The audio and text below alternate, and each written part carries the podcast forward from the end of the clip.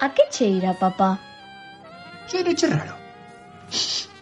Pois se cadra te razón, eh? Algo fede. Será mellor que lle preguntemos ao... Tigre do futuro! O Tigre do futuro. O podcast de A que cheira, papá. Benvidas un día máis ao Tigre do Futuro, o podcast que facemos dende o Magazine Cultural A que cheira, papá, Como sabedes, o Tigre do Futuro grábase en rigoroso directo dende as portas do oráculo. E ben, o templo está nun sitio relativamente arredado, ao que non é tan sinxelo acceder. Ademais, dependemos un pouco das condicións climáticas, da forza de vontade dos peregrins e da aliñación mística do espazo-tempo, e non é como se nos estivésemos aquí charlando tranquilamente nun parque no centro da cidade, porque nos atopamos de casualidade, que ese, pues, supoño que sería outro podcast. Comento hoxe isto porque hai que valorar o que custa ás veces facer as cousas, conseguir seguir adiante cun proxecto ten ás veces tanto a ver coa sorte como coa vontade das participantes, e levantar esa falta de sorte pode converterse ás veces nunha verdadeira gincana de obstáculos.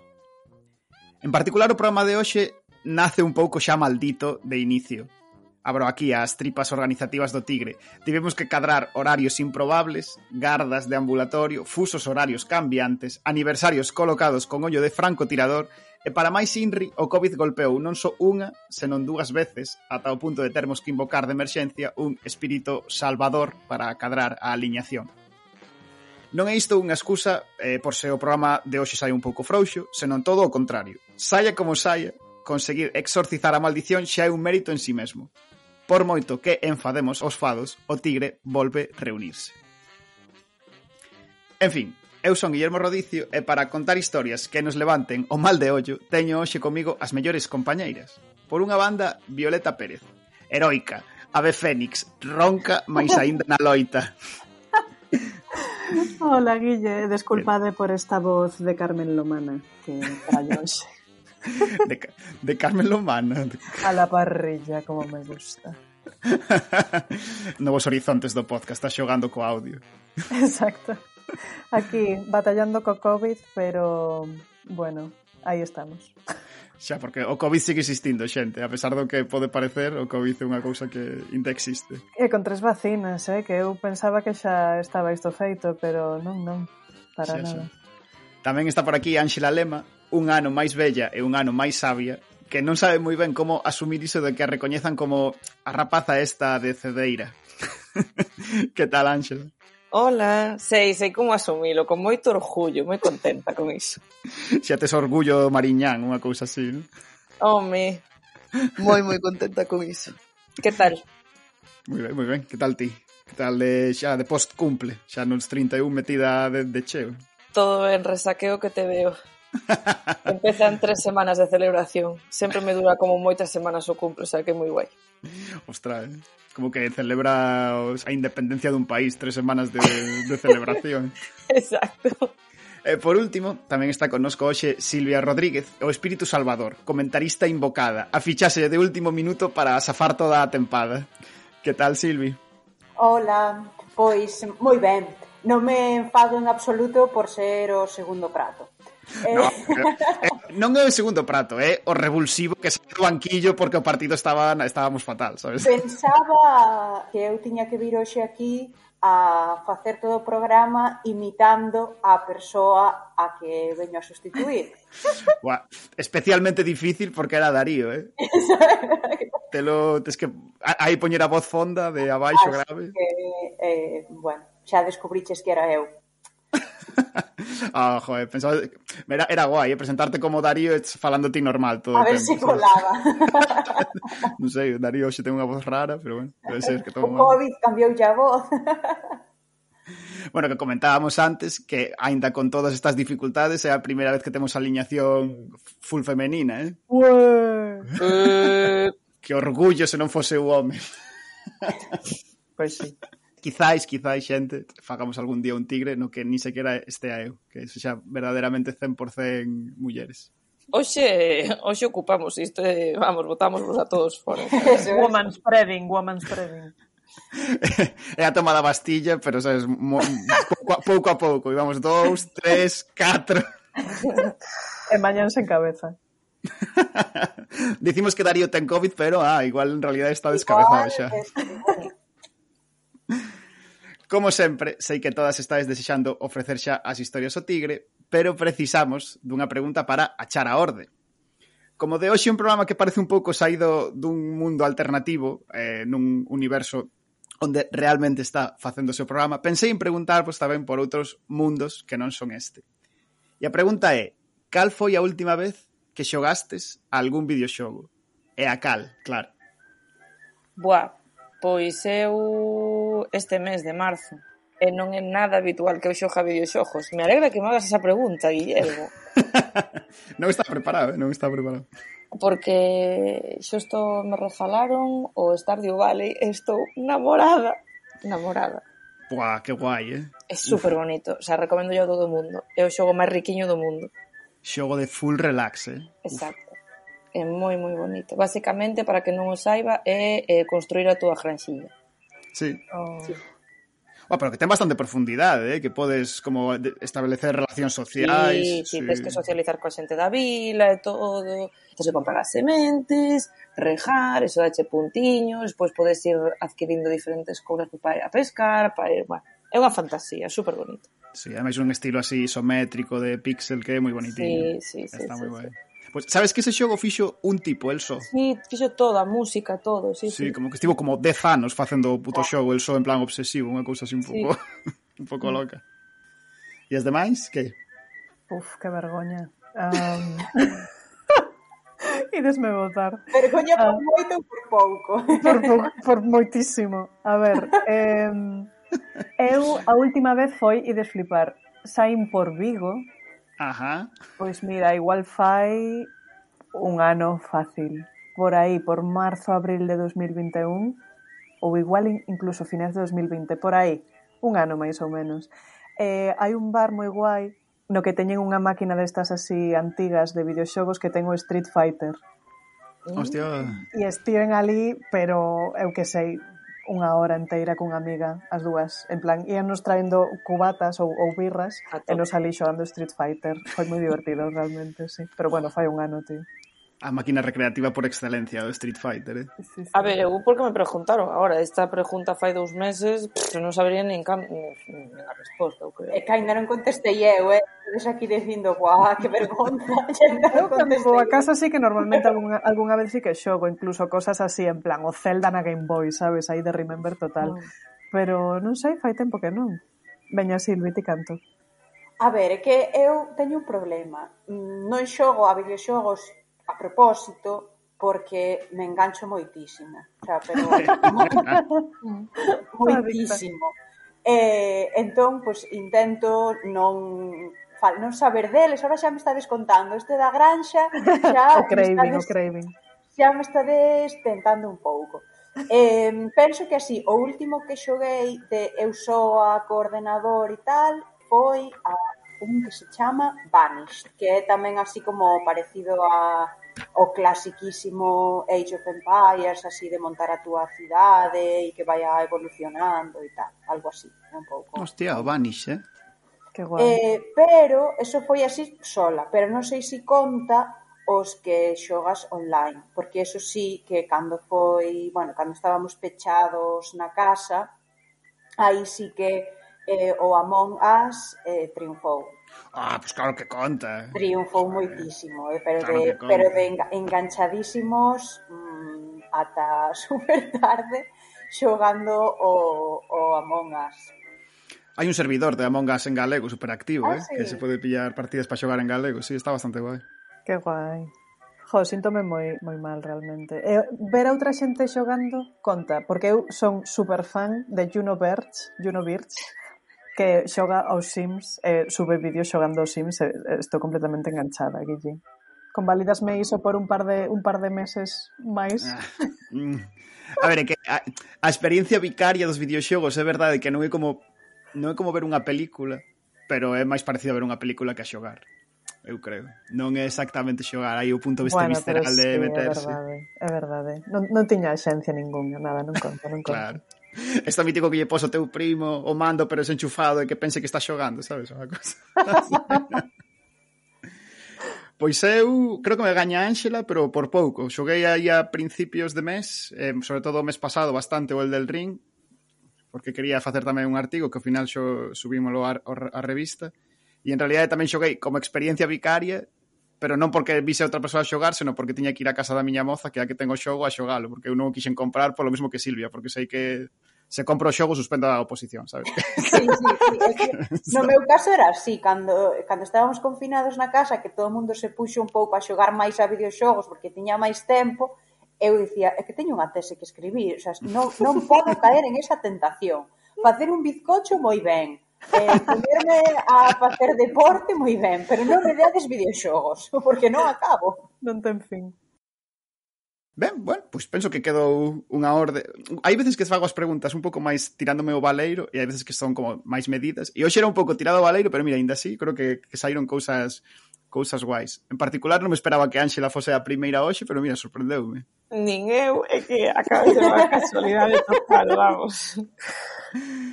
Mais nada, Ángela, toca che abrir a... o programa hoxe coa túa sección. De que nos vas a falar hoxe? Pois hoxe vou vos falar de resistencia bisexual.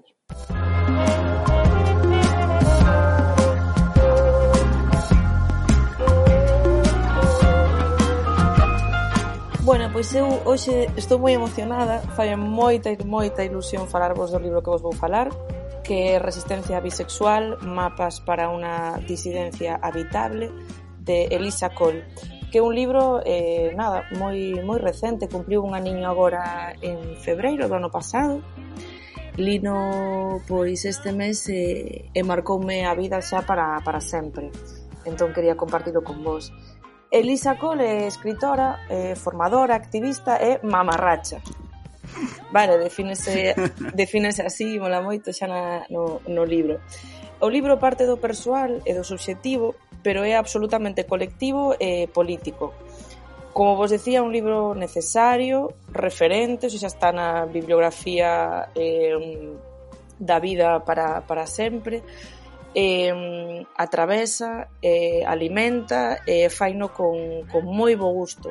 É moi coherente, moi sensible e, sobre todo, que é o máis chulo o que fai da lectura tan, tan amena, e que ten un sentido de humor eh, maravilloso. É moi, é moi divertido. Eh, neste libro falase moito de mapas, de fronteiras, E se lembrades, o último día que participei neste podcast falábamos do concepto de fronteira, pero noutro libro, o de desamarmos o capitalismo, o amor como acción política, e acabamos reflexionando sobre a fronteira que marca a monogamia, non? Pois, eh, neste caso, Elisa Cole debuxa moi ben o mapa que temos creado na sociedade, un mapa no que cada identidade sexual ten claras cales son as súas fronteiras, non? as súas liñas. Mentres que a bisexualidade, como resulta que se plantexa sempre como un pouco de aquí e un pouco de alá, non? o sea, como unha mestura de cosas e non como algo en sí mesmo, pois parece ser a liña divisoria e, eh, como sabemos, non é posible unha vida nunha liña, non? As liñas nos mapas non teñen nome, non teñen historia. Ela mesmo di, aquí cito, eh, non se construyen casas en las líneas de los mapas, necesariamente estas deben estar a un lado ou a outro. Elisa Cole fala, non, está todo o tempo eh, con esta metáfora para decir, bueno, pues que a bisexualidade non é considerada un destino nunca, non, senón un medio para chegar ao destino. E en relación con isto, dano clavo dunha cousa que me parece super interesante e relevante, que é eh, a carga identitaria que ten o amor romántico para situarnos e definirnos. Ou sexa, a única forma de representar a bisexualidade eh, sería a través do trío ou das relacións non monógamas, non? Para facela como evidente no espazo público, non? Xa. Pois, parece que se non se fai evidente, non existe. E isto significa que sempre estamos a ser definidos a partir da relación que se nos coñeza. E esta maneira de comprender as identidades significa só ter en conta o visible.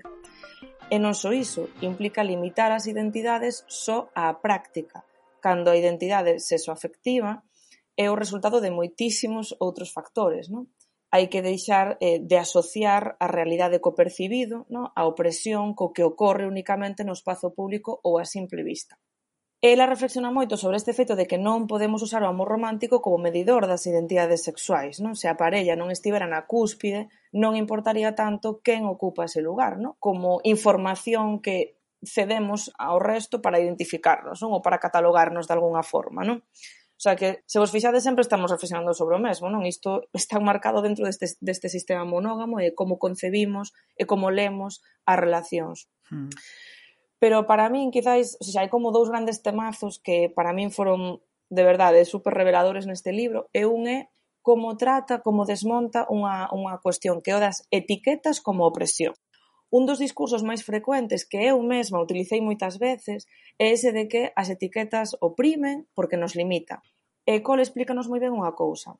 A etiqueta non me nombra a min individualmente, senón que nomea a estrutura que me afecta colectivamente e inevitablemente, A función da etiqueta non é representar unha característica individual senón o conxunto de violencias que me atravesan ou que poderían facelo, aínda que eu decida non etiquetarme baixo, neste caso, a etiqueta de bisexual, vale?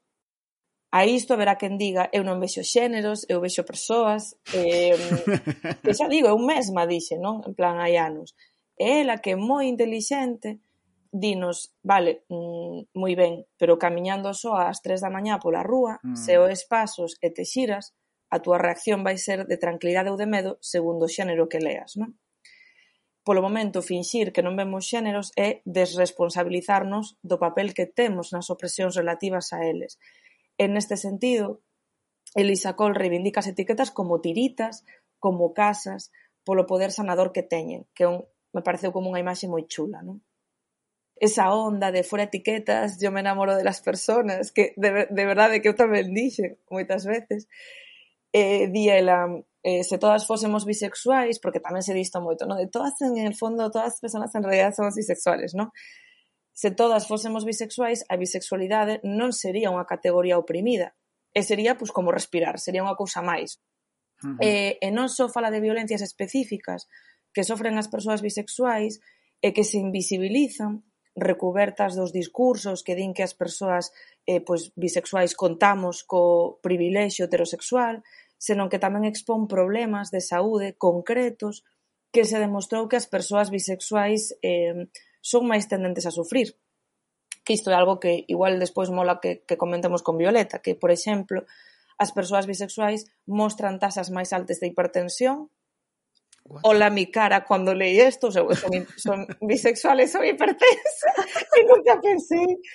Mirando por árbol genealógica por si acaso. O sea, moi loco, nunca pensé que podía ter relación, sabes? O sea, moi loco. Eh, ou tamén di que, bueno, porque la analiza, mostra diferentes estudos, vale, para mostrar isto, di que as eh, persoas bisexuais pois teñen peor saúde mental que as persoas gays, lesbianas ou heterosexuais, vale? Isto por un lado, no? que vai, desmonta, vai desmontando como moitos mitos. Despois, sobre o do termo, que este para min foi outro foco de luz brutal. Frecuentemente atacase a bisexualidade por ser un termo que segue a reforzar o binarismo de xénero. Hmm. Este argumento eu tamén o empreguei moitas veces, e pregúntanos eh, no libro por que se acusa a la bisexualidade de reforzar el binarismo de género. Por esa norma no se construiría la propia homosexualidad sobre la premisa de dos géneros, el propio y el opuesto. Isto pode parecer evidente, pero é un comentario que escoitamos moitísimas veces. E ademais, e isto é importante, a bisexualidade inclúe a todas as identidades de xénero, non se move no binarismo. Vale, decir, xa. igual que o feminismo se foi eh, reformulando desde o que era nos anos 60 até a actualidade, pois o que é o termo bisexual pois tamén, e iso xa non entra dentro do que do que o movimento eh, bisexual defende a día de hoxe, vais? Vale. No meu caso, xa digo, este libro reconcilioume, reconcilioume cunha identidade coa que non me sentía cómoda por multitude de prejuicios e argumentos que desmonta Lisa Cole de maneira super clara e brillante. Non son a mesma, de verdade, desde que rematei a lectura deste libro, e iso é o mellor que nos pode pasar non, no, cunha lectura eh, ao longo do libro dixe multitudes de veces tal cal, e que así a mí tamén me pasou. es que soy yo literal. Es que soy yo literal. e, e máis, o sea, con este libro repasei momentos pasados da miña vida de cateime de que son bisexual desde moitísimo antes do que eu sabía, mesmo, e mira que en mil conversacións con amigas, mira que contamos, no? Pues mi primeira experiencia sexual, mi non sei que, cando repasamos, e fume a momentos que nin eu tiña como eh, metidas na, na, na miña biografía. Por exemplo, a autora comeza contándonos como de pequena tiña unha obsesión por Phoebe, a personaxe de Embrujadas, e como tanto con ela, como con diferentes como con diferentes amigas ou compañeras do colexo, do instituto, polas que sentía pois fascinación, pois pensaba que xust únicamente era iso, que era fascinación, non que era ganas de querer parecerse a esa persoa, mm. non? Mm. E que co tempo caeu na conta de que non, de que esas mulleres pois gustábanlle, só que nin tan sequera sabía identificar ese desexo, é dicir, non, non, ni sequera o catalogaba como desexo. É unha, é unha pasada, de verdade, mm. é, é sobre todo unha pasada compartir esta lectura con amigas, o sea, con, con outras compas bisexuais e danos conta de cantas compartimos experiencias de, deste libro, o sea, unha pasada. Outro temazo que, que toca é que mm, ata que punto temos moitas de nós interiorizada a bifobia, vale, moitos comentarios pois aparentemente pois anecdóticos que podemos eh, soltar, vale? E que iso precisamente nos pode levar a sentirnos incómodas con, para identificarnos como tal. Pois moitas veces, por exemplo, escoitamos iso de que as bisexuais eh, follamos co inimigo, co opresor, e sinalásenos como cómplices da nosa propia violencia, non? Eu mesma, en contextos feministas, sentime moitas veces eh, máis cómoda visibilizándome cunha muller, É algo, bueno, isto de feito é algo que ainda estou traballando, porque sacando nos ven cun home, sabemos que directamente se nos vai a etiquetar como hetero, non? E iso, pois, a hmm. min, políticamente, incomódame. Pero, como di eh, Elisa Cole, este tipo de plantexamentos volven poñer o foco sobre nós. Como ela mesma di, yo no quiero dejar de tener sexo con hombres cis para que non me violen. Quiero que los hombres cis dejen de violar. Ademais diso, como ben explica, non deitarse con homes non é sinónimo de non colaborar co sistema heteropatriarcal, hai infinidade de formas de colaborar co, de colaborar co machismo e coa heteronorma que van moito máis alá do relacionado coa nosa vida afectiva e sexual, non? Este tipo de lóxicas, de novo, poñen os, o foco nas prácticas. Vedes que todo o rato todo vai sobre o mesmo, da importancia que damos á práctica, non? E a práctica sexoafectiva. afectiva. Pois hai, apuntaches moitas cousas e algunha que, que me gustaría que desenvolveses un pouco porque me resultan chocantes, pero entendo que porque, bueno, tamén porque os explicas dunha maneira sintetizada, pero ao principio comentabas, reiteraba ao final, o tema este da importancia que se lle dá á práctica. Sí. Claro, entendo que é especialmente problemático no tema do, da bisexualidade polo que ti dis, no? por esa que, na, é unha naturaleza esencialmente híbrida, que eso se manifesta na, na realidade ou de maneira puntual ou de maneira conxunta, non? pero non podes como demostralo simplemente aparecendo cunha persoa. Entón, como que eso resulta problemático. É longitudinal, non é transversal. Entón, non é nunha situación, é algo que ties ao longo da túa vida. E ese tipo de conceptos é algo que o ser humano non está tan acostumado a asimilar. Entón, eu podo ser isto neste momento, eso nese outro momento, pero longitudinalmente ao longo da miña existencia son outra cousa. E, bueno, eh, custanos moito ese tipo de cousas.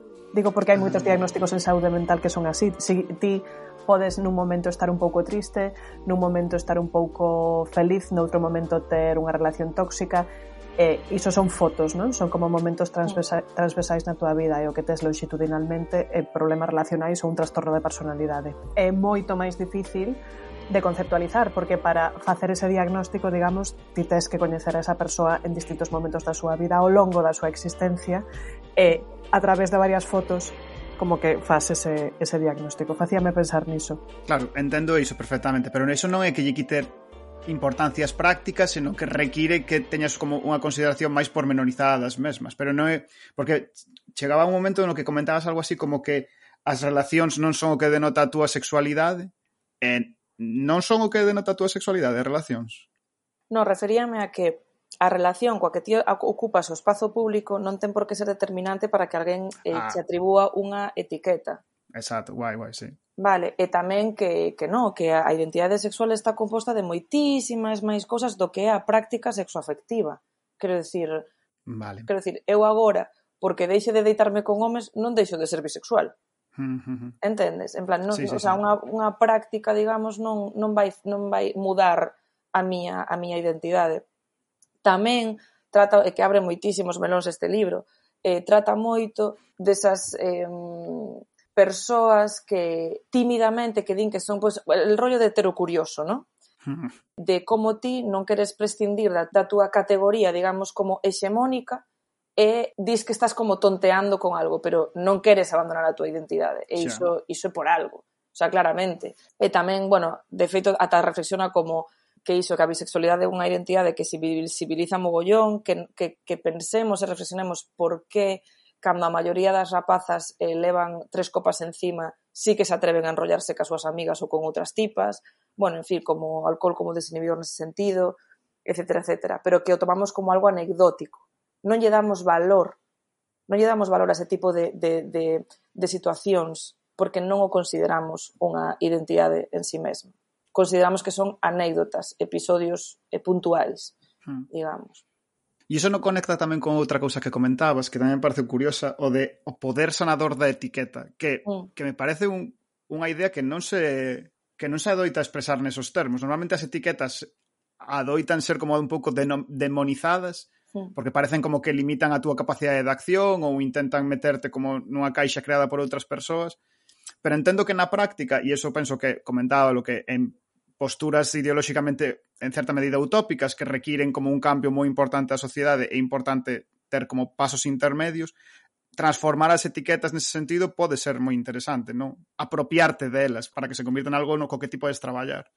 E que as etiquetas eh, son super necesarias, quero dicir, eh, mm para calquera colectivo eh, oprimido eh, é super necesario contar cunha etiqueta baixo a que ese colectivo oprimido, digamos, eh, se reúna, eh, una forzas e se reivindique e loite conxuntamente para intentar transformar o, o, o mundo, non? Para eso, eh, facer fronte ás violencias que estruturalmente pois, eh, reciben. Hmm. Un claro exemplo, por exemplo, é o movimento queer, non? O movimento queer, sabedes que naceu como un insulto, non? e apropiáronse, deronlle a volta ese insulto e, e reuníronse debaixo dese termo. Joder, pensámoslo incluso na idea de defender que o galego é un idioma e non un dialecto. O sea, reapropiarte desa, desa etiqueta de idioma resulta empoderante tamén, non? Uh -huh. sí. Que a min tamén foi das cousas que máis me chamou a atención o das etiquetas, porque sí que é certo que pensamos moitísimo, e eu tamén o teño dito moitas veces, como decías, Ángela, que ah, as etiquetas oprímente porque tens que estar como en esta categoría de ser así e así e a veces non as queremos eh, pero tamén eu falando así algunha vez con, con xente sobre este tema decía, bueno, pero é que en determinados momentos da túa vida as etiquetas tamén te axudan a ti, é dicir, non só te axudan a reivindicar de cara ao exterior, como decía Ángela, sino penso que o mellor de cara a saber ti mesmo onde te atopas. Penso, por exemplo, na adolescencia. Eu penso que a veces para os adolescentes mm, integrarse, decir, bueno, pois eu quero estar en esta etiqueta.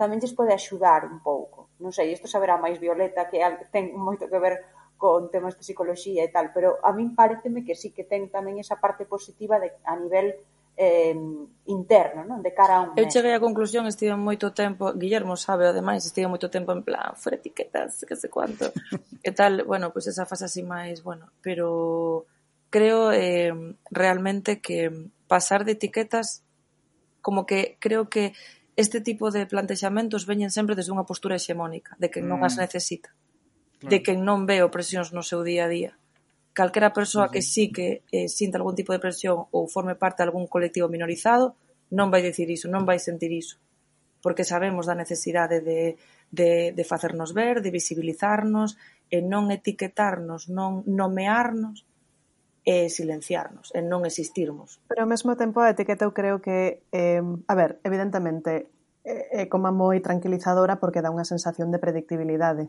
non? De mm. isto é así. Ves, eso era o que eu dicía dos adolescentes e vi o di aí cos palabras Isto é así e entón sei o que esta persoa vai facer porque esta persoa é homosexual, entón o que vai facer é liarse con persoas do seu mesmo sexo barra xénero que, que, o que queirades. Pero ao mesmo tempo, que pasa coas persoas que non encaixan en ningunha desas etiquetas con todos os, digamos, os engadidos que aparecen como dano colateral. É dicir, o mellor ti és unha persoa queer, pero hai determinadas cousas da cultura pop queer que non che interesan. O mellor no, unha muller cisetero pero que, que da... non ten gustos de muller cisetero. O mellor é un home cisetero, claro é xusto o que di Col, que unha etiqueta non che identifica a ti individualmente con, e non te tens que sentir como identificada con absolutamente mm. todo o que representa esa etiqueta. Quero dicir, estás te reunindo para facer fronte a unha serie de violencias que por ser así recibes. Entón, é para actuar eh, conxuntamente. Despois, as especificidades de cada persoa, obviamente, xa sabemos que non, non é todo homoxéneo.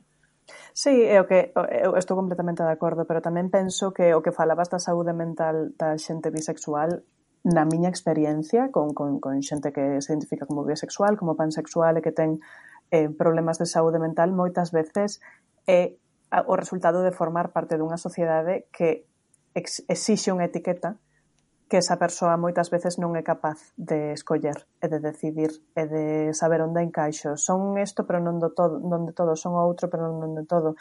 Entón, eh, ten un componente de alivio cando atopas algo que máis ou menos se axusta ao que ti vas ves sentindo toda a túa vida, pero cando te ves obrigada a escoller e non sintes que merezas a etiqueta de bisexual ou merezas a etiqueta de homosexual ou merezas a etiqueta de heterosexual, pois xera como un malestar e un síndrome de impostora un pouco tamén, non? Eh... Sí, pero, eh, bueno, pero eu penso que eso non é problema da ferramenta, non? Quer dicir, eh, todas as identidades que son complexas ou que, ou que anúan, anúan dentro dela varias varias, varios matices poden resultar máis ou menos problemáticos, pero cando unha identidade resulta máis ou menos normalizada ou non é, non é incómoda porque non recibe violencias, non temos problema con iso, que dicir, tipo de ser coruñes, sentirte totalmente coruñes e non ser, do, non ser do Depor, sabes? Non é unha cousa que resulte problemática, que resulte violenta, pero non entras dentro de todas as categorías, Ent entendes un pouco o que quero dicir? Sí, sí, totalmente, que xusto que yo decir a Violeta que creo que esa, que esa complexidade deste tema é porque a heteronorma actúa bestialmente en todo isto. Porque, quero dicir, se non houvese ese referente natural, modélico, que obviamente non analizamos, quero dicir, eh, o sea, quero dicir, a xente heterosexual que é heterosexual das súas millóns e millóns de formas non senten esta incomodidade de catalogarse como heterosexual. Mm. Iso... Eu creo que cada vez máis, bueno, non sei, é unha tontería o que ia dicir. Eh, estaba pensando nunha obra que, que fun a ver outro día, unha obra de teatro que, bueno, non está mal, que se chama Cock, que significa basicamente polla en, en inglés. Pirola, eh, pirola. Pirola, perdón. Pero eso non era galo. Tamén. Totalmente. Bueno, basicamente non, non vos destripo nada porque se sabe dende o principio. Vai dunha parella de, de homes heteros, eh, homosexuais e un deles namorase dunha muller. E entón pois falaba das, eh, das etiquetas e da súa identidade que estaba construída dende sempre como homosexual, eh, de que significaba isto para, para el, eh, de como hai moitas cousas desa etiqueta coas que nunca se identificara. Entón, creo que, que, que este tipo de dilemas estánse a expandir, pero estou de acordo, evidentemente, que están moito máis presentes en identidades oprimidas ou que reciben violencias. Total. Eh, podería estar falando horas sobre este libro, só quería decirvos que, que por favor, que o tedes que ler, que o tedes que comentar coas amigas, que, que non só o lean persoas que poidan pues, sospeitar ou xa saber que son eh, bisexuais, creo que é un libro necesario para todo o mundo, comentario, É un libro dos que suman, dos que acariñan, ademais na parte final é unha parte preciosa na que reivindica e defende as amigas ou eh, eses lazos eh, afectivos que tanto pues, alimentan e eh, sosteñen a vida. De feito, fala de ACAP, Amigas contra el amor basura, e cita pues, esa, esa canción Bravo. de de tremenda jauría, ¿no? de que el sindicato sean tus amigas. Sí. Así que, por favor, lede Resistencia Bisexual e, e nada, que estou agradecidísima Lisa Cole. Pues encanta a sección eh, Carta de Amor é unha nova, unha nova versión, pero estou moi a prova. Aplausos.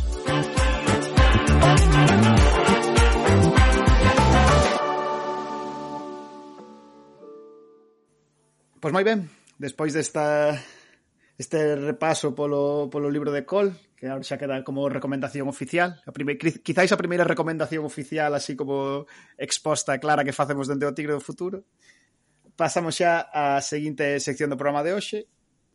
O seguinte que xogara hai menos tempo a videoxogos, o, co, con Miyazaki e o sufrimento con el del ring, era eu, así que hoxe vou vos falar dunha historia eh, prototípicamente noventeira unha creo que especie de fábula onde se mesturan poder, fama e cantidades absurdas de diñeiro xunto con ben, xunto con unha pequena vila, vila do medio oeste norteamericano. Hoxe quero falarvos de Haley ou máis ben de Haleywood.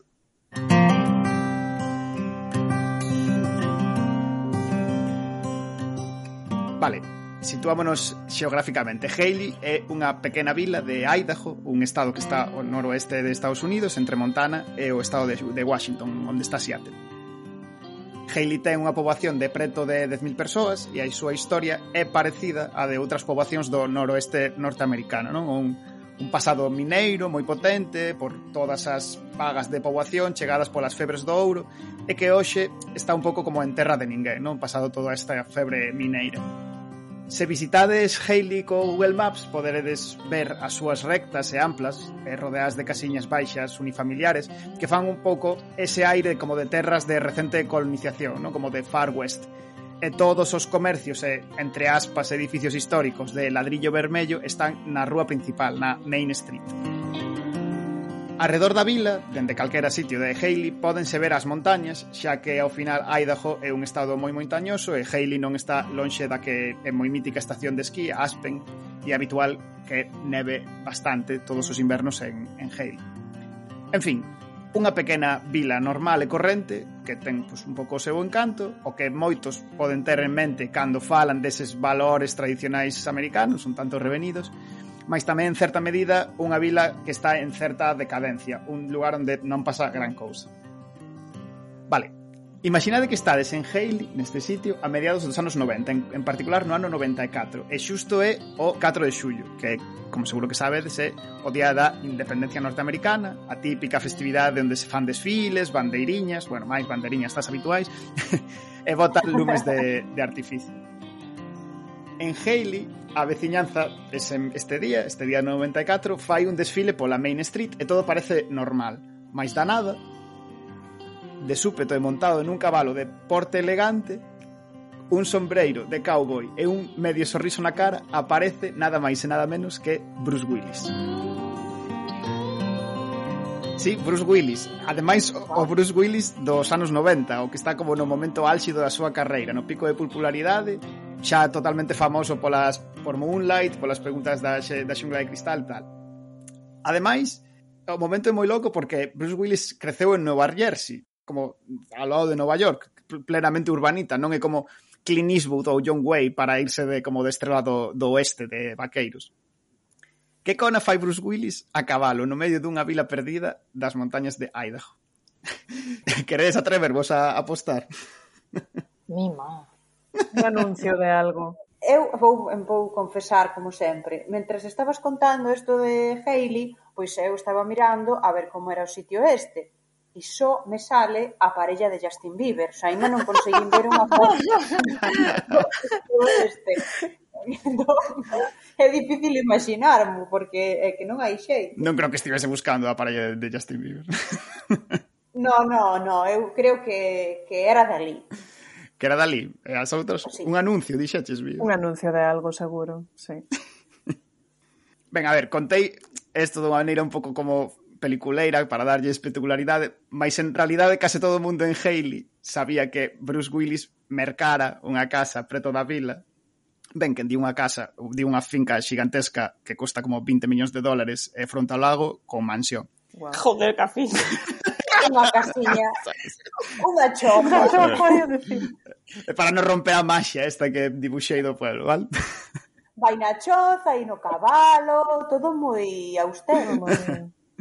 Nesta altura, Bruce Willis estaba casado con Demi Moore, tiñan dúas nenas pequenas, e escolleran o sur de Idaho para ter un lugar do que fuxir de Hollywood e da prensa, ata o punto de que a casa de Haley era a súa residencia habitual, era onde vivían normalmente, cos mesmo cos horarios locos de estrelas de cine, pasaban ali máis de seis meses o ano. E parecería como a resposta básica, en plan, ah, pois Bruce Willis estaba ali, pois porque vivía ali, non? Mas mesmo sabendo a isto, a historia do vaqueiro do 4 de xullo segue sendo un pouco raro, e non tanto porque Willis decidise pasalo ben cos seus veciños, que é lexítimo, senón porque máis que estar no desfile parecía un pouco lideralo, ir, ir de diante de todo.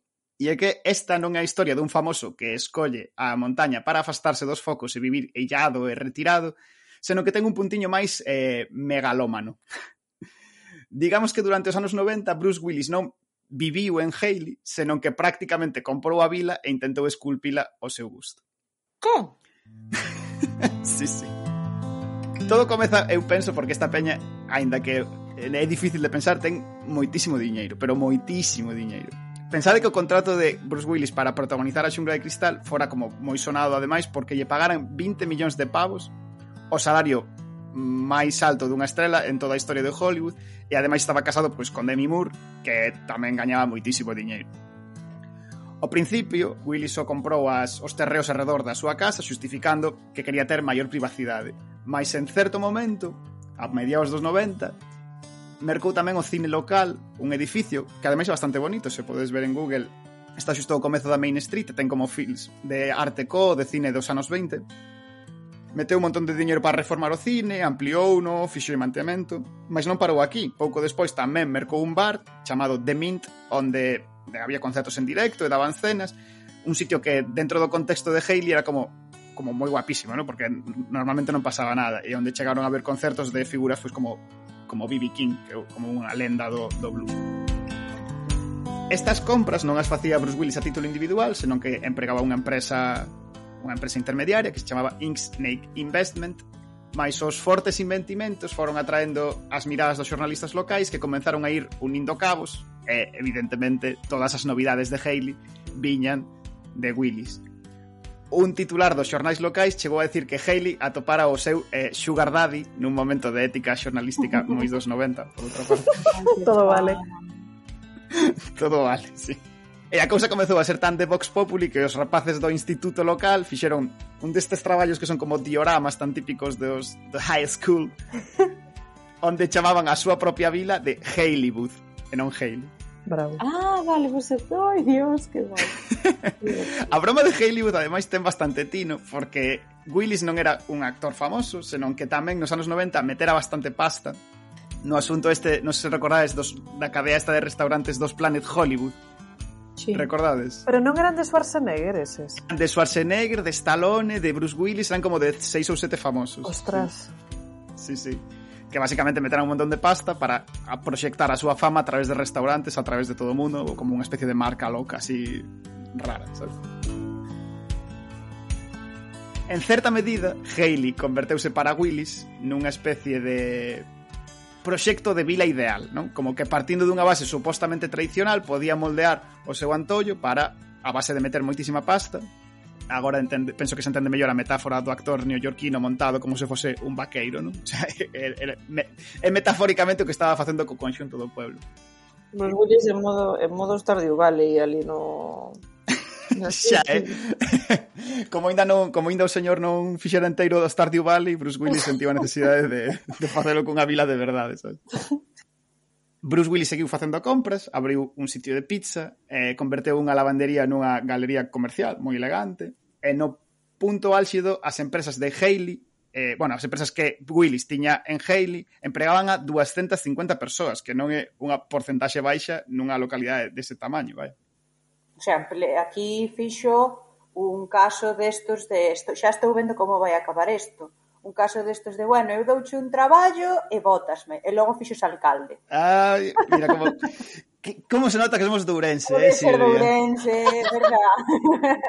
Sí, como sabemos como chegar esta deputación. Xa sei eu o Bruce Willis este, xa sei eu de quen aprendeu. Te mandaballe correos a Baltar, aquela.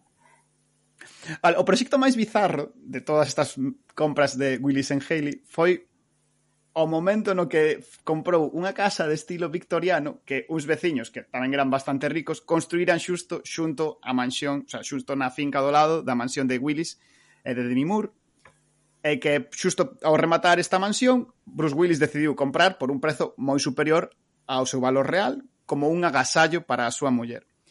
Un agasallo porque a casa foi convertida como en museo onde Demi Moore podía expoñer ao público de Hailey a súa xigantesca colección de bonecas antigas. Bravo. Había O que é ter cuartos e non saber en que gastalos. Eh, xa non son a colección, senón que necesitas comprar unha casa para expoñer a colección. O sea, eso ser tan, tan absurdamente rico como para iso. Todo este rebumbio fixo florecer a Hailey chegaban turistas e os novos negocios parecían funcionar bastante ben. Nalgúns corrillos do Concello, como dicía Silvia, había que murmuraba que igual era boa idea que Willy se presentara a alcalde. Mas en realidade esa parte do asunto non lle gustaba tanto a Bruce. As malas experiencias que tivera coa prensa de Hollywood facíano super reticente aos contactos e mesmo tiña como agarradas e malas palabras para os xornalistas locais que no fondo estaban preguntando pois por polos locais novos que había no pueblo, nada máis. Eh, Willis nunca pensaron nos seus investimentos como unha atracción turística, senón como unha especie de agasallo para a comunidade.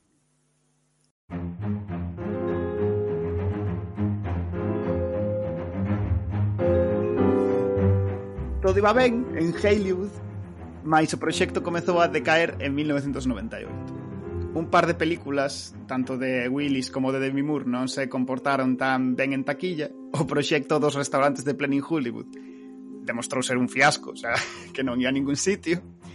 E ao final, eh, tanto eh, Moore e Willis acabaron divorciándose. Xa non había tantísimo diñeiro e de súpeto todas as ideas asociadas á súa vida familiar en Haley deixaron de ter sentido. Willis deixou de meter pasta para o desfile do 4 de xullo, para as luces do Nadal da, da vila, abandonou as obras que xa comezara eh, a súa empresa, ou empezara obras novas, como por exemplo, tamén querían crear un parque acuático, aquí vibes como de Cerceda, máis ben que de Ourense. e acabou por pechar de súpeto un día calquera, o sea, un maio calquera, o seu bar, o de Mint, despedindo os empregados sen darlles explicación alguna. O soño de Hollywood esmoreceu. Pois non me dá pena. Contáchelo así moi dramático, pero mira, a ver, o señor estaba ben igual. Non lle saliu ben ese negocio, pero pobre non era. Home, que igual non estaban tan ben, era a, a vila, claro. Eso sí, eso sí. De feito, a mí, a mí parece moi interesante preguntarme por que lle pasou xusto isto a Bruce Willis nos 90. Porque quiz, quizáis non o sabades, pero a fama de Bruce Willis xa dende o comezo é como unha desas historias de amor-odio da prensa estadounidense porque a pesar de que era famosísimo, a prensa sempre o odiou bastante e o trataba moi mal e era como unha especie de conta a xente que sabe destas cousas que había como unha especie de ton clasista porque como que Bruce Willis representaba a unha especie de heroe, non vou dicir heroe obreiro, pero sí como heroe da, de clases populares, que non era James Bond, senón que era un notas como con camisa camisa interna de, de tirantes, sabes? e nunca se lle valorou como superestrella, a pesar de que eso, de que era claramente a persoa máis famosa de todo Hollywood a principio dos, dos 90. De feito, hai, hai un artigo que se fixera moi, moi famoso no New York Times, onde, cando saíra ese, ese detalle que comentaba antes deste rollo de que cobrara 20 millóns por sair na xumbla de cristal, o artículo titulaba Se Bruce Willis cobra 20 millóns, canto debería cobrar Robert Redford? Sabes, como, como mismo totalmente, en plan, que, bueno, sí, é un actor de mierda, non? Quizais pode ser porque as súas excentricidades, digamos, eh, a ver, todos o, a grande maioría dos famosos así de Hollywood pois son un pouco excéntricos e gastan os cartos en cousas un pouco extrañas. pero igual esta idea de, bueno, pois montome unha casa xigante no medio da nada, compro así un restaurante que tampouco vai, se sabe se vai ir a moito, tamén contribúe a esta idea que dis tipos de un pouco de non tan sofisticado, digamos, como o resto. Pero estaba dicindo que nese mesmo proxecto estaban outros actores. Eu non sabía que tiña tan mala prensa, era parte de Jolín. Eu tampouco. E eh, o Porta de, o sea, quero dicir, Jungla de Cristal é como un referente, non? O sea, como unha peli mitiquísima. Sí. Non sei. Pero sí, sí, de feito, cando tivera aí, eso, eso, fixerase moi moi famoso a finais dos 80. Eh, a prensa sempre o tratou fatal, e mesmo cando tivera como revivals durante os 90, por exemplo, tivera como primeiro revival cando cando Tarantino o pon de protagonista de Pulp Fiction, non? Sí. E en cambio toda a prensa destacou de ah, mirade, Travolta volve a ser un actor que está, ah, mira como volve Travolta. E, e Bruce Willis como menudo pringao, sabes? Pero ten algo que ver ca orixe dele, o sea, ele donde ou algo así, porque tamén os, os, os americanos... Ele é de Nova Jersey, pues, sí, como dun, como dos suburbios de Nova York. Pero ten máis que ver, eu creo que ten que ver coa imaxe que proxecta el, como de Ah, sí. Como de, sí, como de heroe que non é nada sofisticado, como de tío normal, sabes, como unha especie de non sei, como de prota, heroe do oeste, pero nun entorno urbano, ¿no? E eso non pegaba tanto coa idea de Hollywood igual de superestrellato. Mm. Por exemplo, cando fixo de o do sexto sentido, tamén era unha peli que el era claramente protagonista e ao final todo toda a movida con co sexto sentido era a que ninguén che conte o final, sabes? Nunca se destacaba o ben que o facía o puto Bruce Willis nesa película, sabes? Mais, en fin, eu tamén penso... Mira, antes comentaba Bio o dos Sims, e eu penso que pasoulle isto a Willis. Sí, sí, sí, eh, pasoulle isto a Willis. Nos 90, por, porque quería xogar os Sims, sabes? Quería xogar o puto Sims co, coa, coa cidade, e como tenía, tiña esa frustración de que a prensa trataba tan mal, sabes, necesita como te, te, necesitaba ter como un entorno controlado que el puidese manexar e tamén hai que ter en conta que nos 90 os famosos non tiñan as redes sociais que hoxe en día lles, lles permiten ter como este tratamento directo da súa figura pública, sabes, de como se expoñen, de como son vistos, e dependían moito máis da prensa. Como a prensa o trataba mal, el necesitaba ser deus noutro sitio, sabes? E fíxose como o sugar daddy de Hollywood, non?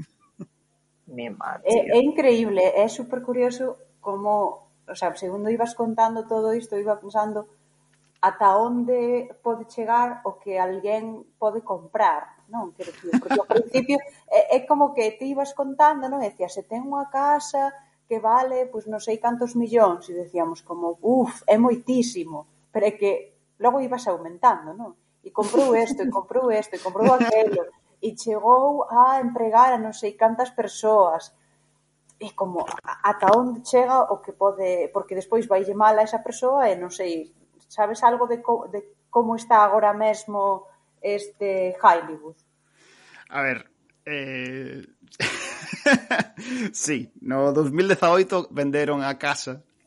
Eh, de feito, venderon a casa por 5 millóns de dólares. Perdeulle oh, moitísimo... Perdeu? Sí, sí, perdeulle moitísimo diñeiro, sí. Bueno, a casa é impresionante, eh? Conseguín atopala eh, as fotos e é impresionante.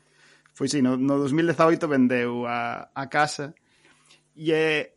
A ver, é verdade que que varios, o sea, o pechar as cousas ou, ou pechar a súa empresa ali, varias dos negocios pecharon, pero é certo que a pesar de que hai certa polémica na, na, na vila de ah, se foi positivo ou foi negativo o papel de Willis, tamén é certo que varios deses locais foron rea, adquiridos por outras, por familias de, de Haley ou por xente de ali, e hoxe en día funcionan. Quero dicir, por exemplo, o bar que vos dicía antes que pechou, uns, uns señores do pueblo mercaron e hoxe un día é un, é un bar que funciona ali. Eh, por exemplo, o, o teatro que vos dicía que lle metera tanta pasta, dou no a vila e, e agora é da vila, dou no gratuitamente, vai, é do Concello a día de hoxe. As bonecas de Demi Moore. xa, das bonecas de Demi Moore estive buscando e non atopei nada máis. Non sei, non sei moi ben. Pero tamén me pregunto se si a, si a xente seguirá indo ali por este rollo. Polo, polo quiche, ¿no? En plan... Sí, sí. Polos loles sea, como a xente que segue visitando sitios da, da Unión Soviética un pouco. Por exemplo. Oxe que non está Darío podemos falar mal da Unión Soviética. A ver, a min está me, a ver, non, non sei se, se ten moito sentido mencionalo, pero para que vos fagades unha idea de que non ten que ser Bruce Willis. O outro día quedei cunha, cunha amiga que se despedía de Londres que fai unha cousa así híbrida que está seis meses aquí, seis meses alá eh, e tal e era o fin da súa temporada londinense eh, estaban uns amigos dela por ali, estaban falando da súa boda. E entón eles dicían que para a súa boda alugaron un pobo en medio de en medio de Cataluña. En medio, alugaron un pobo en medio de Cataluña. Bueno, pero que bodas, podíamos dedicar un, un podcast a, tamén a... É que o concepto alugar un Tío, pobo, alugar un ou, mercar, ou mercar un pobo, como as aldeas estas de que hai, sí. pois eh. hai algunhas en Galicia, non, que se sí, vende sí. aldea enteira. Certo, pois, é que ese cual. concepto é moi forte para min. É heavy, é heavy. A min deume un pouco de, de mal rollo realmente. Pero sí, sí, que isto ocorre, eh, ocorre con xente como a nos, non fai falta, bueno, con bastante máis pasta. Bueno, como a nos, como a nos, bueno. Como, como, a, como a min xa che digo que non. Se lles pincha sangran. Pois sí, tío, flipei e dixen, hostia, que, que, que, que horror, non? Que, que mal rollo, pero sí, está ocorrendo, hai xente que o fai. É que ainda é peor a lugar, mira o que che digo. Para min é peor a lugar que mercado a vila. Porque a, a, a lugar é máis vacile de veña a facer un fin de semana isto Disneylandia, sabes? De loles, xa. Sí. sí. Joder, o da, bueno, non sei, o das bodas, sí. Igual hai que facer un día especial. Unha especial bodas donde... rusas, tío. Especial bodas. bodas. especial bodas. Pois ben, bueno, para pechar un pouquiño, quero recomendar a, de onde saquei toda esta historia un podcast que fai unha rapaza estadounidense que chama, unha, unha xornalista estadounidense que se chama Dana Schwartz, que ten oito episodios e que se titula Hollywood, onde eh, fala con xornalistas, políticos, a xente de Haley, un pouco para darlle como pinta de mosaico a toda esta historia e falar un pouco de como quedou a vila e como está a vila a día de hoxe despois de toda esta locura noventeira de, de Willis. Ah, dedicou un podcast aos oito capítulos ao rollo este, que chulada. Sí, sí. É un podcast que son como oito capítulos onde vai contando a historia esta a través de son capítulos de 45 minutos ou así, onde vai contando a cousa. Está, está moi ben, é, é moi amén, está moi ben. A Seguro que hai un montón de detalles aí super frikis graciosísimos, tío. Sí, sí, claro que eu non teño tempo aquí a contárvolo todo eh, e ademais é moi gracioso, a min gusta, gustoume moito o de escoitar directamente a xente de ali, porque eso, pois pues fala o, Ay, claro. un señor do xornal de Hale dicindo, "Os a min tratoume fatal, eh, chamei por teléfono." eh, mira, publicamos unha foto no que saía a súa casa medio de lado e, bueno, mentónos un pollo, sei que, non sei De cuánto persona un pouco Springfield este. Un pouco Springfield. o alcalde Quimby e Bruce Willis Bueno, non quero que quede todo como Bruce Willis un capullo, porque é verdade que, pues, o que comentaba, non? Que en realidade Bruce Willis tamén fixo moitas cousas para Haley que son de pura benefactor, que non teñen como unha parte de megalomanía. por exemplo, eh, meteu cartos para desenvolver un programa novo dentro do, do instituto local, comprou varias depaladoras porque, como decía antes, neva bastante en Haley, e do o, o teatro o teatro que renovar. Xusto estes días, ademais, acaba de anunciarse que Bruce Willis abandona a actuación debido a que se lle diagnosticou unha afasia, que é unha cousa bastante jodida bastante jodida porque te limita moito e resulta moi frustrante a, bueno, non sei se sabes o que é a fase pero é como que esqueces as palabras non non eres capaz de formular as palabras dentro da, da mente.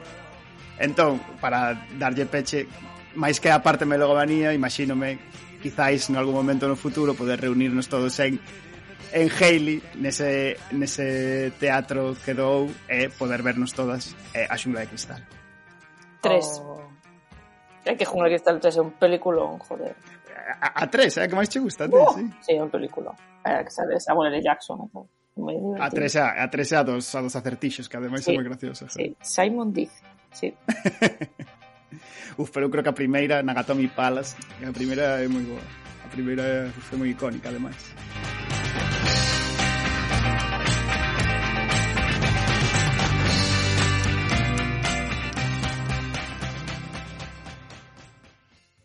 Pois ben, despois deste non sei, non repaso a filmografía de Bruce Willis, senón que repaso Repaso a Bruce Willis. Repaso a política urbanística de Idaho, vamos a decirlo así. Pasamos xa á última sección do Tigre. Eh, Violeta xogara hai bastante tempo, mas, mas tamén xogou Street Fighter en Vigo. Así que dela é a última sección de hoxe. Violeta, de que nos vas a falar? Eu vou falar da bofetada de Will Smith. Ah, que non, que broma. É broma, non. Eu vou falar... Perdón. xa está, xa foi. Eu vou falar das relacións circulares e do ghosting. Tu dors encore à mes côtés Les deux soleils Bueno, un tema bastante amplo e sabemos que eu quero escoitar a nosa audiencia. Sabemos que quedan cousas por, por, por falar e melóns por abrir, que seguro que sí, que a xente non lo diga e fago unha segunda parte. Eh, pero quería falar dos dous conceptos porque creo que están moi ligados e pareceme moi interesante eh, mencionarlos que teñen así moita chicha. Música Entón, as relacións circulares é un concepto de terapia familiar, de terapia sistémica, que xa sabedes que o meu, bueno, que a miña formación que teño e tal. Eh, basicamente, o que nos concebimos como, como unha relación eh, interpersoal pode ser, eu que sei, eh, con unha persoa anónima, no traballo, eh, nunha relación de parella, nunha amizade, a relación que sexa non ten que ser sexoafectiva. Eh, normalmente conceptualizámola dende a linearidade, non? Ti hai unha persoa que é A que causa algo en B. E entón, pois, eh, evidentemente, nese contexto, a, a base é un pouco a culpa, non? Mira que malo é A que lle fixo isto a B. Pobrecito B que sufriu por culpa do, do que fixo A, non? Estas son as relacións lineares que, que bueno, son un pouco o que, o que concebimos por, por defecto. E o que plantexa a, a terapia de familia, a terapia sistémica, é a circularidade. Entón, que significa que A provoca algo en B, pero B ten algún tipo de actitude como consecuencia do que fai A que re, reforza novamente o que fai A. E entón, como A volve facer iso dunha maneira máis, máis intensa, reforza máis a outra actitude en B, e así sucesivamente. Entón pasamos dunha conceptualización de, de culpa a corresponsabilidade. É dicir, o bo das relacións circulares é que tanto A como a B son obxectos activos, non son obxectos pasivos, oh, perdón, suxeitos activos e non suxeitos pasivos nesta interacción. Entón, o guai é que B non é solamente unha víctima, senón que B tamén pode cambiar algo para evitar que A faga iso, non? Uh -huh. Entón, é, a min pareceme moito máis sano, moitis, moitísimo máis empoderante, e, eh, eh, unha maneira moi, moi chula de, de entender o mundo. A, ás veces un pouco, mm, bueno, que fai un pouco mal, non? Porque ataca o teu ego, que ti non és mm, solamente a víctima de esa persoa que se tratou tan mal, pero tamén ti tes algo que cambiar para evitar eh, reforzar esa, esas actitudes nun futuro. Entón, bueno, eu pensaba nisto eh, da corresponsabilidade, da culpa, etc. Eh, en contexto, por exemplo, das relacións de, de parella ou, bueno, das, das relacións sexoafectivas que falábamos antes tamén na sección de Ángela. Eh, hai veces que cando ti notas que outra persoa está un pouco distante, que se está afastando, ti achegaste máis. E entón iso que fai que esa persoa se afaste máis todavía, e así sucesivamente, non? E entón, pois isto, eh, fíxome pensar na responsabilidade colectiva, na responsabilidade emocional, que se o COVID, pero, por suposto, o tema estrella da, de 2022 e 2021, que é o ghosting, por favor. Xa tardaba en falar do ghosting na, na miña sección. Pareceme un temón aclamaba o público. Bueno, evidentemente que vamos, eh, todo o mundo, buah, un amigo, buah, a min. Pois, sí, creo que é moi importante falar disto. Entón, O ghosting, se entendemos no contexto das relacións circulares, claro, ti estás como eh, levando ao extremo a unha persoa que se está afastando, ti estás completamente desesperado porque esa persoa non, non marche e esa persoa acaba eh, cometendo o acto de, digamos, de rexeit de rexeitamento total que é o ghosting, desaparecer sen dar ningún tipo de explicación, non? Ese como ese final inesperado. Eh, Últimamente eu, eu noto que é algo que, que, que está máis presente nas relacións, non sei se vos pasavos tamén que de repente a todo o mundo lle están facendo ghosting, de repente algo que persoas as que non lle pasaba antes, pois empeza a pasarlles agora, non? Unha cousa moi tal. E hai unha viñeta moi chula de un ilustrador ou ilustradora, non se sabe, que se chama No sé, non sei se coñecedes. Que, no eh, sé. No sé, sí. É, é unha viñeta na que aparece Teo eh, xogando cunha nena da súa idade E entón di: Teo aprende que a responsabilidade afectiva é facerse cargo dos vínculos que xera cos demais. E entón Teo dille a nena, pensaba facerche ghosting, pero xa non. Ah, bueno. Parece moi interesante este concepto da responsabilidade afectiva que é algo que, bueno, moitas veces esquecemos dende a, o anonimato das, das pantallas, non? Bueno, indo o concepto de ghosting. Que é o ghosting? A maioría de persoas, pois, eh, da, da nosa idade probablemente saibamos o que é, pero por se si acaso, a definición oficial da Wikipedia é cesar toda comunicación e contacto cunha parella, amizade ou outra relación sen ningunha, sen ningunha perdón, advertencia ou xustificación aparente e, posteriormente, ignorar calquera tentativa de achegamento ou comunicación realizada por esa persoa. E despois engade, que a min esta, esta aclaración encántame, o termo deixar en visto empregado en Latinoamérica, en Latinoamérica e no Estado español, fai referencia á práctica de non responder a unha mensaxe en WhatsApp e é similar. Son como o ghosting forte e o ghosting suave, non? Eh, sí. A ver, Eu creo que, que son que cousas real, distintas, pero bueno. Sí, crees que deixar en visto non é, o sea, deixar en visto se si che contestan despois non é ghosting, claro, pero se si claro, claro, contestan claro. na vida Eso te, iba a eso te iba a preguntar eh, eu, quero dicir, ghosting, para que algo podamos considerar ghosting, non che poden falar máis, ou hai, digamos, bueno, se están unha semana sin falarche, e despois che falan, entón sí que é, é dicir, hai como un límite, digamos. Podería ser un ghosting momentáneo. Eu creo que non está tipificado eh, como, como, sabes, non hai un tempo eh, que podes considerar ghosting. Encontrei, bueno, atopei al, algúns tests online que son bastante chulos, bastante este fascinantes, ghosting. de Vaya. canto leva, canto levas en contestar, Eh, por favor. Cal foi a última cousa que dixo, todos así moi de loles, non, non son test Parece serios. super pop. Eh. Super pop, era xusto que iba a decir, parecía un test de la super pop. Tía, non te rayes. Non, pero son, a ver, os que vin eu eran en, en, en clave de humor, non eran serios, evidentemente, pero non sei, pareceume moi entretido. Ay, porque, pero é menos forte, pero todo o tema do, do ghosting suave é un eu creo que tamén é un interim loco no que estamos, nos que aínda non temos como moitas eh, etiquetas de como nos comunicamos online, e hai veces que hai xente que lle parece mal o teu ritmo de contestación, mm. e eso por un lado, e polo outro é o tema de que, polo menos a min, ás veces o WhatsApp da mi ansiedade e cústame contestar as mensaxes porque é como Boa, ti es moi do ghosting, Guille. Ti es moi do ghosting. Pero porque eh, ti pensa que eu, chamé, eu, eu tardei moitísimo en chevar a WhatsApp porque me agobia, o sea, o rollo de ter, ter conversas abertas con tanta xente todo o tempo. A min agobiame moito. A ver, por que pensades que a xente fai ghosting? Veña, as vosas teorías. Disparade. O, pero o, o forte, o forte ou o suave, porque para min son moi distintos. O, eh? o que queirades. Veña, pois cada un. Eu teño unha pregunta antes disto, antes de disto. E hai algún estudo que analice se hai máis homes que mulleres que fagan ghosting? Hai varios, eh, evidentemente estudos superfiables feitos por a Universidade de Wisconsin, como podes imaginar, son os que atopei, non atopei nada oficial. Lía, Universidade de Hailey. ahora, vais a, agora ser a nosa universidade de referente. A Universidade da Vida.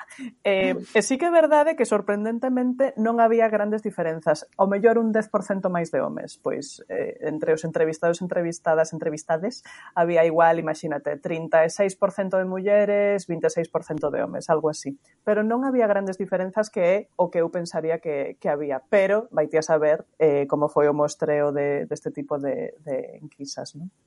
Mm. Bueno, pois eu, é que eu creo que, mm, que isto pasa porque non, non se nos educa emocionalmente, mm.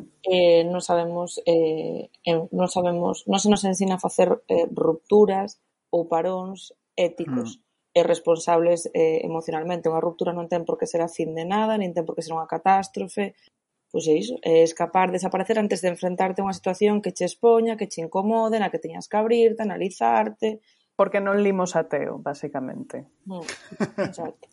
Sí, eu creo que é moito que, que é o que di que o que di Ángela, é, pois non sei como eh, xestionar esta emoción, ou non sei como poñer, non sei como decirlle a esta persoa que isto que fixo non me gustou, ou Xa. non sei como pedirlle perdón a esta persoa, ou non sei como cortar a relación con esta persoa, e a opción máis fácil é, digamos, desaparecer. Evitar. A min, a min tamén me parece interesante ver Pois o sea, pareceme que o ghosting é tamén un fenómeno que está moi asociado á vida urbana, mm. porque a vida rural é un pouco difícil facer ghosting, porque, claro, o sea, porque te encontras do lado, joder, total, pues tal cual, moi interesante. Total, sí, sí, total. total. E ainda así facíase que flipas, eh? os baleiros fuertísimos cando había un problema e nin, nin, non mantías nin contacto visual na aldea coa xente. Pero eso xa non é ghosting, porque xa é moito máis, o sea, aí queda claro o enfrentamento. Hombre. Ostras, pero literal, tratarte como se foses un, unha fantasma. Mira os Bridgerton, aparece nos Bridgerton tamén este baleiro social. A min pareceme distinto, e pareceme que o ghosting é como desaparezo, pero non me ve ves e non non ves esa hostilidade tan directa. Claro, é ah, claro, a pasivo-agresividade, é a pasivo-agresividade absoluta, é unha persoa que desaparece sen deixar rastro, claro. Porque se si me encontro contigo e miras para outro lado, non che estou dicindo, pero estou facendo un, un xesto, digamos, xa de enfrontamento, de, abertamente sabes que Exacto. teño un problema contigo, xa, pero se si desaparezo, non me ves, non,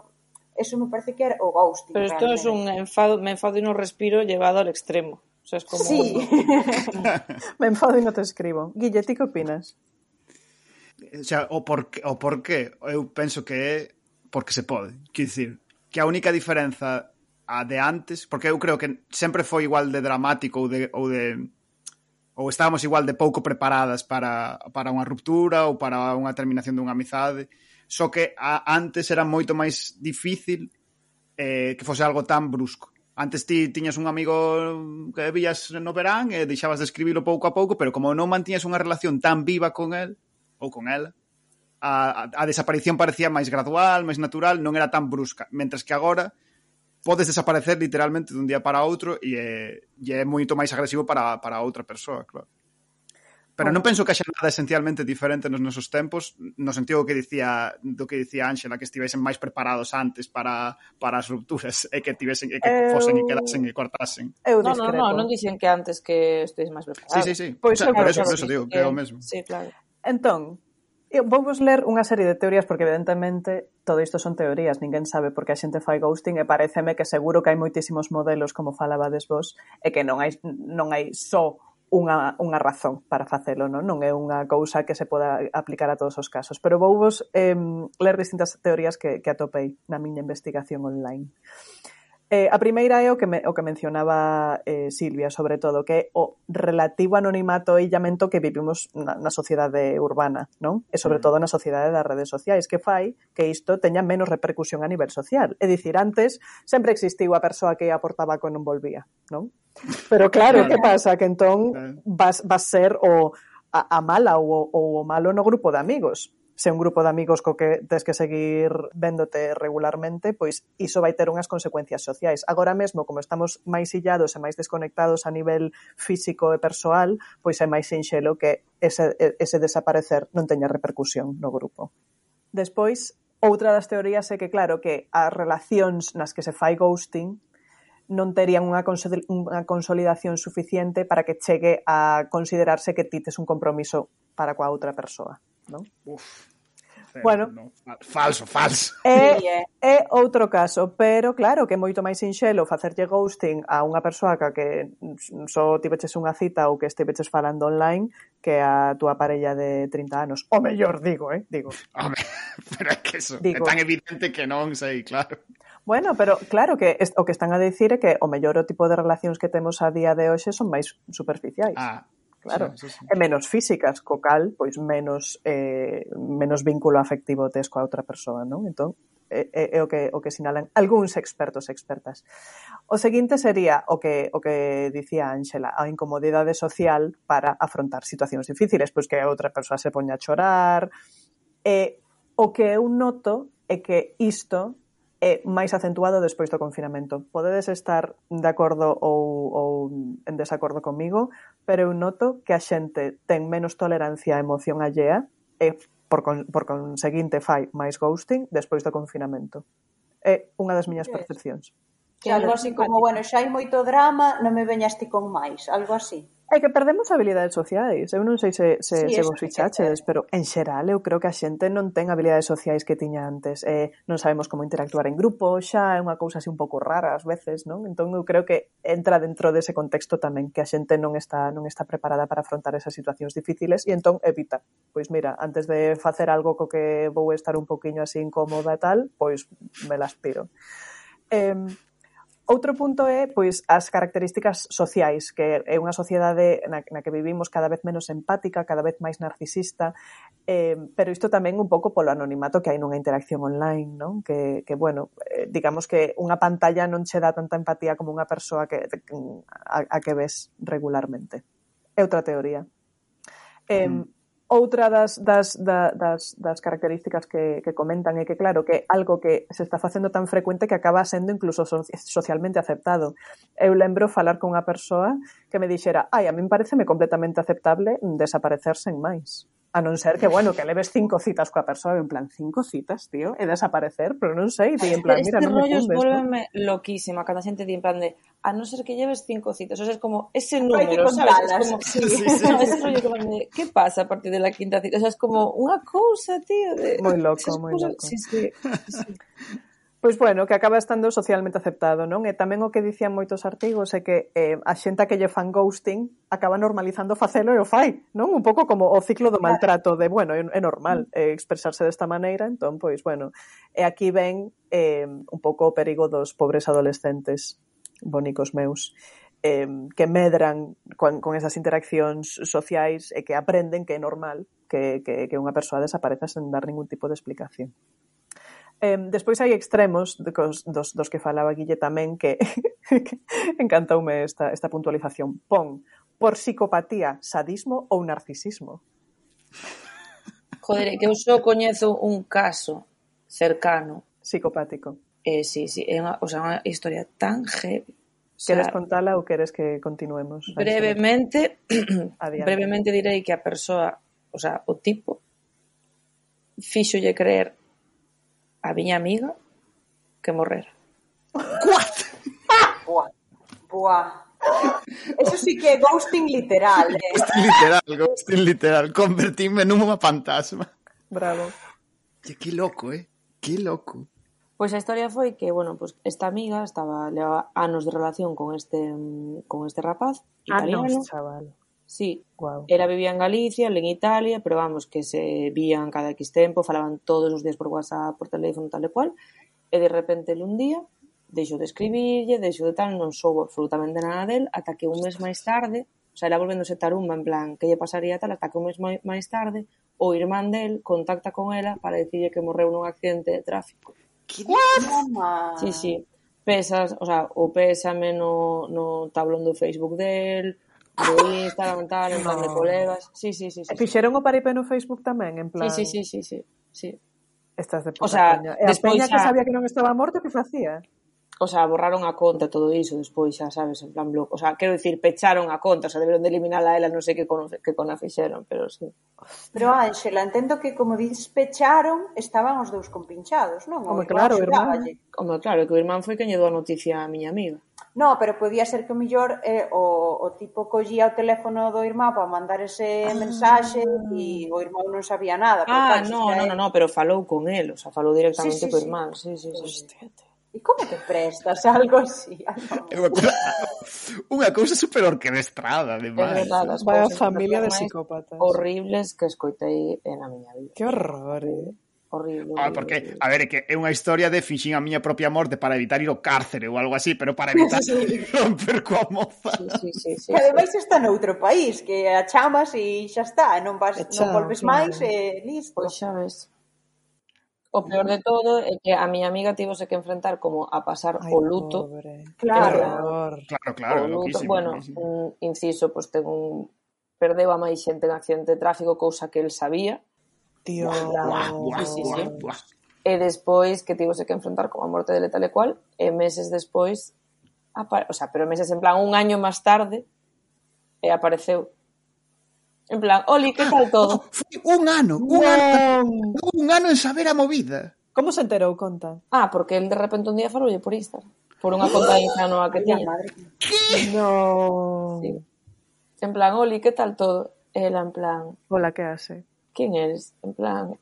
Claro, e en ese momento, en plan, que coño pensas? Me hablas desde el cielo, en plan, de, no tenche que escoupar a cabeza. No, aí é cando pensas que te están vacilando. Pues, no, no, no, no, pero, no, no, no, no, pero, ta, pero tardas en reaccionar. Eh? O sea, non é un ano de proceso de, de terapia claro, e de, o sea, de horrible de, de non reaccionas porque non pe pensas que alguén pode levar Que pretende o pavo volvendo? No, no, o que quero dicir é que ela a mellor pensou que era outra persoa que estaba puteando Ah, exacto, exacto, por exacto Por sí, iso sí, era lle pedi... normal, totalmente, claro. por iso era lle pediu en plan, mándame audios, mándame fotos tal, porque non me estou crendo que se xas ti What?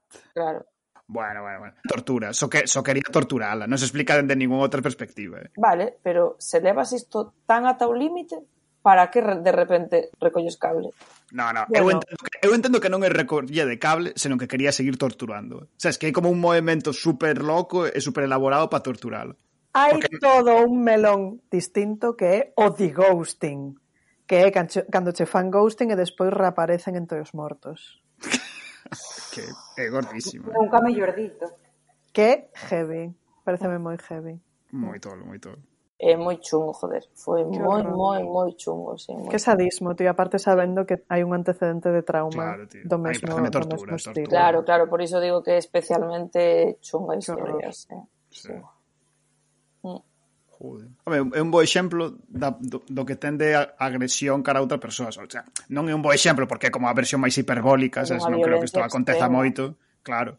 Pero denota que hai un, hai un punto de agresión no asunto, non? Como que... Exacto. Sí. E esta é precisamente outra das teorías de, de onde ven, o que falaban da psicopatía e do sadismo, pois é isto, non deixa de ser unha, unha forma de maltrato emocional. E que recrearte na historia, na ficción de como Exacto. podo facer isto para facerlle máis dano e que si sí, totalmente, o sea, é castigar, non? Castigar a outra sí, persoa, que outra persoa quede eh, facendo hipóteses acerca de se fixo algunha cousa mal, fixen algo para que se enfadase. Claro, porque ti antes decías Violeta como en plan a outra persoa queres ir afastando e ti como que tiras máis dela ata que se ve sí. forzada como a desaparecer, pero é que neste caso non había crise de ningún tipo, o sea, literalmente foi de un día para outro.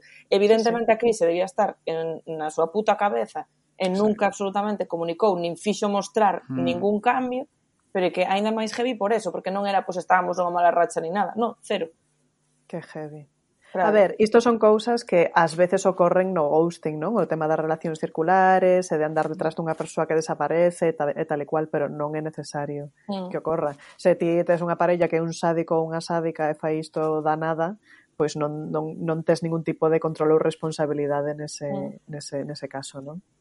Pero eso comentaba ao principio do, do, da sección, pasa que penso que o vas deixar para outro día falar máis en pormenorizado, pero claro, non vexo tanto a conexión do tema de, de relación circular co do ghosting. Iso quería apuntar eu.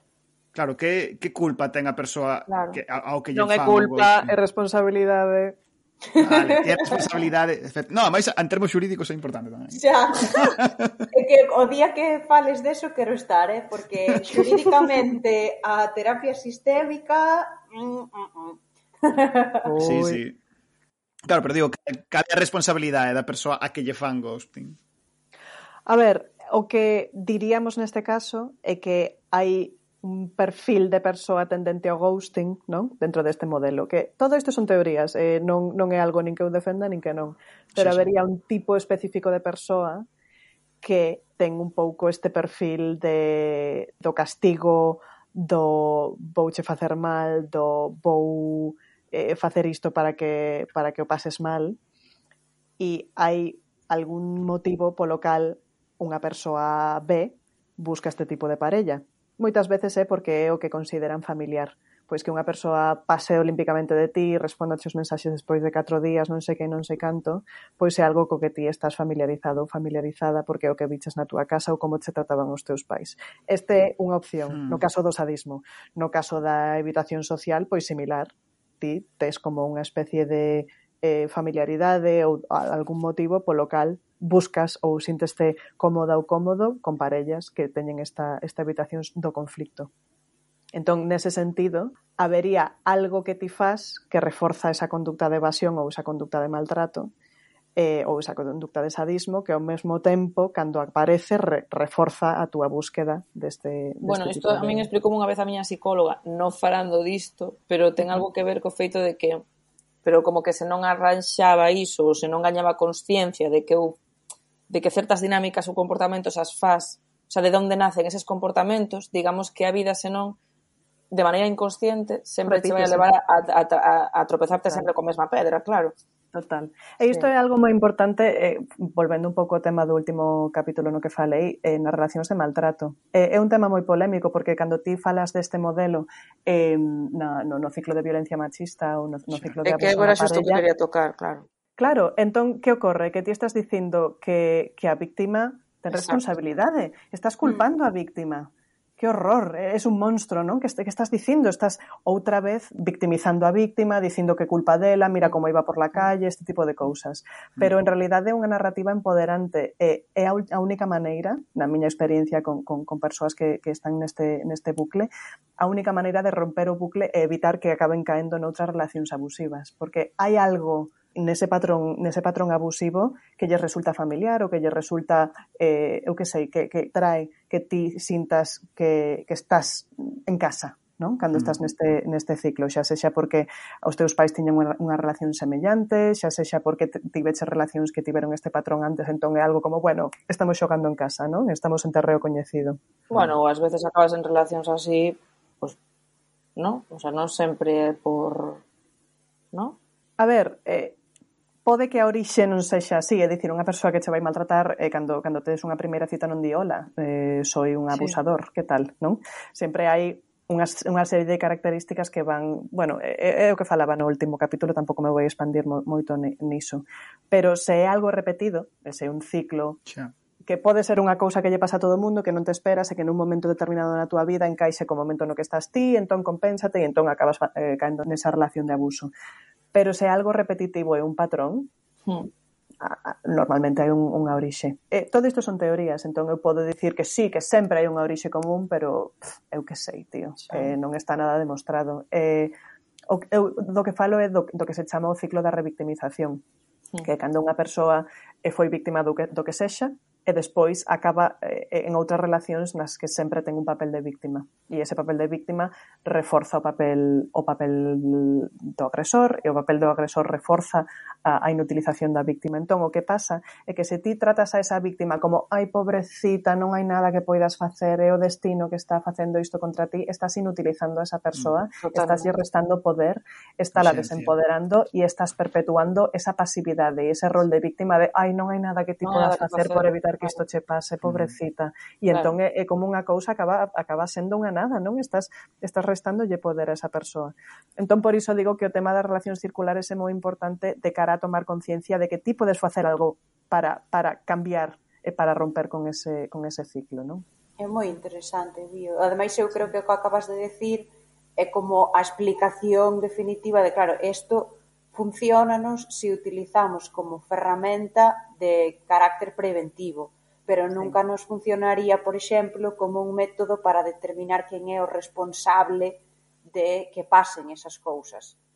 Cando miras hacia atrás, a culpa, sí, non, non podes establecer a responsabilidade, de responsabilidade penal por ese camino. Exacto, no, nunca sentido. poderías ir por aí, pero claro. en cambio, como ferramenta de cara a fai algo ti para que isto, mm, obviamente non es ti a única persona que ten que facer algo, quero dicir, hai moitísimos máis factores, pero como ferramenta de que podo facer eu para empoderarme e para que isto non me volva a pasar, aí sí que o vexo.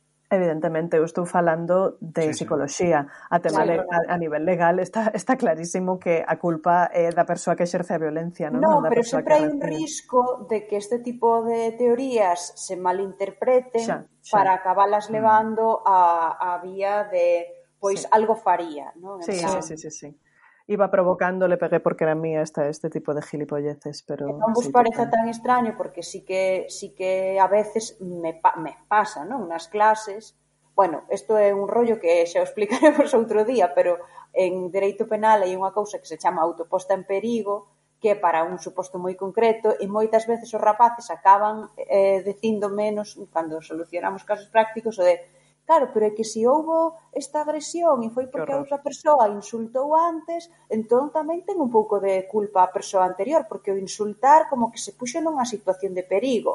Chris Rock. Eh, aí, Dios, claro. Eh, que iba a decir, é que acabamos de ver esta semana, joder. Sí, sí, sí. sí, sí. E se si levas iso, o sea, si, si lles das, si lles dou esta ferramenta, xa sei o que me van facer con ela, non? Entón... Non, é dicir, esta ferramenta non, non Exacto. é para penar, para culpar ou para condenar, porque esa é outra vía e esa é unha vía lineal. Eh, ten que manterse lineal porque hai eh, unha persoa que está exercendo dano e outra persoa que non eh, iso é unha cousa distinta. Eu estou falando de desenvolvemento persoal e de prevención mm. de victimizacións futuras. E aí é cando entra a responsabilidade, pero no tema da culpa, evidentemente, eu sempre eh, creo, a, a día de hoxe digo que eu manterei sempre un pensamento lineal, porque é distinto. Aparte que non, non leva a ningún sitio, leva a absurdos, porque se, se, se abres esa porta, a liña de causalidade é infinita, sabes? Exacto. De que eh, non ten sentido. Exacto.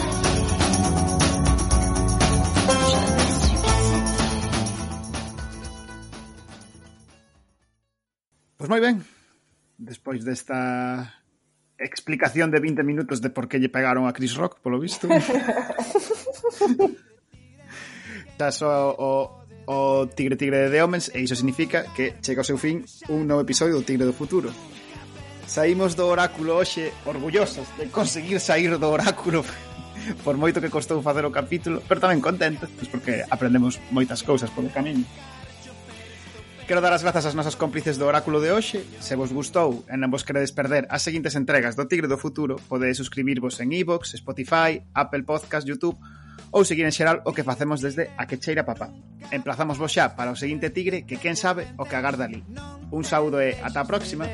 Tigre, tigre, quen te pode deter? Fai no pedazos e bañate no que quede ver. Nunca pensei